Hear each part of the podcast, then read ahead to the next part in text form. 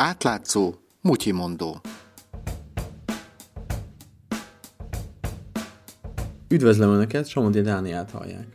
Az átlátszó számos cikkben foglalkozott a Hosszú Katinka és a Magyar Úszószövetség közti konfliktussal. Legutóbb például azzal, hogy mi is történt pontosan a vitában fontos szerepet játszó reklámvideóval. De hogyan is robbant ki ez a konfliktus? Csepregi Botondot, az átlátszó újságíróját hallják. Ugye ez a történet amikor tavaly június-júliusban kezdődik el, és csúcsosodik ki decemberben, illetve január legelején, amikor hosszú Katinka hatásos sajtótájékoztatókon jelenti be, hogy nem tud együttműködni az úszó szövetséggel. Budapest lesz a jövő évi vizes világbajnokság házigazdája. Az úszó szövetség, illetve elsősorban annak elnöke, Gyárfás Tamás egy látványos promóciós videót szeretett volna ehhez készíteni. Ebben persze számítottak a hazai úszósport jellegi talán legfényesebb csillagára is, szívességi alapon. Hosszú Katinka viszont előbb egyeztetni szeretett volna a szereplésével kapcsolatban. Erre azonban nem került sor. Hosszú Katinka nem szerepelt ebben a promóciós filmben, ez viszont innentől olyan száka lett Gyárfás Tamás szemében, minden későbbi együttműködést az ebben való részvételhez, vagy a ilyen jellegű szerepléshez kötötte. Az átlátszó feltárt egy furcsa csavart is a történetben. Ezt a bizonyos videót ugyanis végül nem az úszó szövetség, hanem a Kecskeméti önkormányzat készítette el.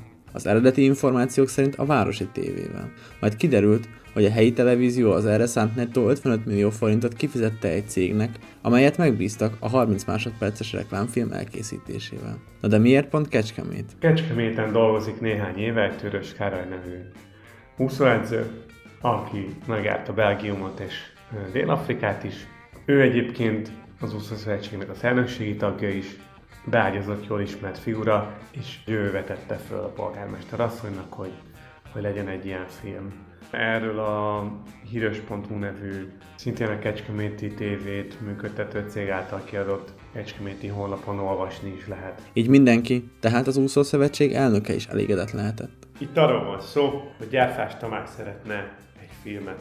Hát úgy promotáljuk meg, lásson meg, reprezentáljuk meg, szép legyen meg, legyen, de ne kerüljön nekem egy fillérbe sem, nekem már a úszószövetségnek vagy a Vizes VB szervezőbizottság. Oldjuk meg, valahogy hozzuk ki, hát gyertek, csináljuk meg. Mindezt úgy, hogy valójában mindenki jó pénzhez jutott a megrendelésből, csak éppen az ország legnagyobb úszósztárja maradt volna hoppon. Szóval az igazán bosszantóbb a történetben ugye az az a felvetés, hogy ez az a film, amiben Hosszú Katinkának ingyen kellett volna szerepelnie is kerül ennyibe, és mindezt közpénzből, önkormányzati forrásból igazán nem látszik, hogy miért finanszírozza Kecskemét. Csepregi Botondot, az átlátszó újságíróját hallották. A mai Mutyi mondott Somodi Dániel készítette, közreműködött Mongatilla és Lé Marietta.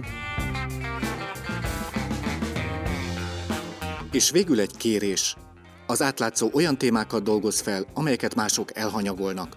Olyan ügyeket tár föl, amelyek sokaknak kényelmetlenek.